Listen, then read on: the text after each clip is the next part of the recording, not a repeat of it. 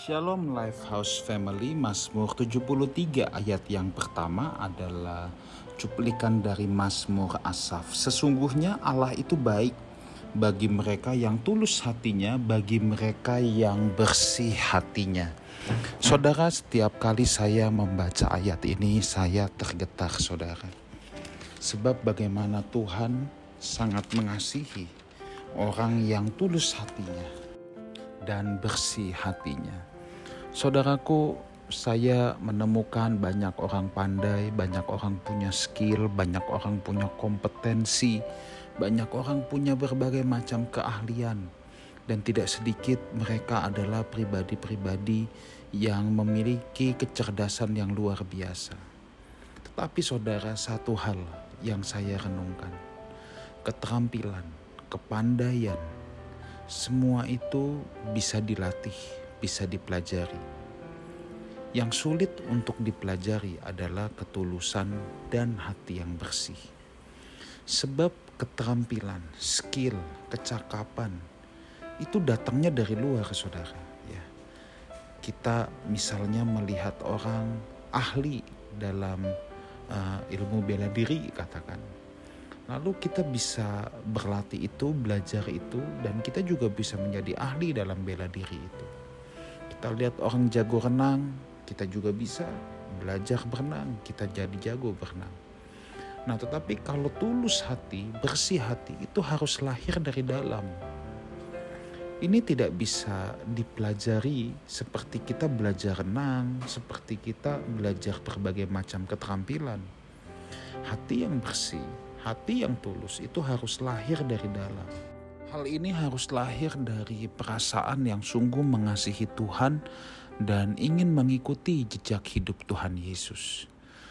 Kebersihan dan ketulusan hati hanya bisa dilahirkan oleh orang-orang yang memang ingin hidup benar di hadapan Tuhan, yang ingin menjadi orang baik, saudara. Ya, ketulusan hati yang bersih ini bisa kita hidupi, dan untuk menghidupi hal ini, harus diawali, saudara ya, harus diawali dengan tidak mencari kepentingan diri sendiri, harus diawali untuk tidak menjadi egois, harus berani kehilangan keakuan, harus berani menyingkirkan kepentingan diri sendiri terlebih dahulu.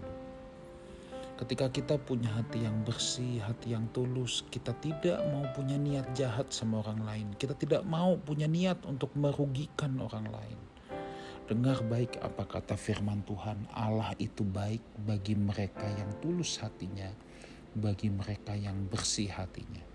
Kadangkala kita bisa saja saudara ya, ngelihat orang yang hidupnya nggak benar tapi kok kelihatan hidupnya enak aja makin lama makin hebat hartanya makin banyak. Saudara tetap bertahan dalam ketulusan dan kebersihan hati.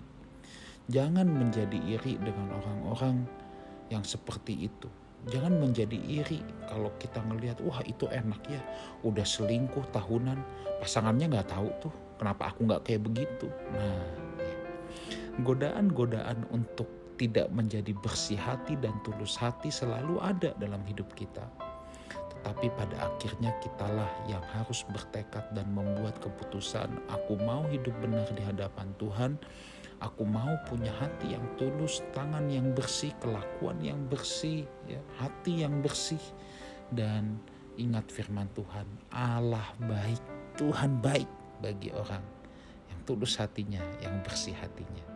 Kiranya kita semua boleh menjaga ketulusan hati kita, menjaga kebersihan hati kita.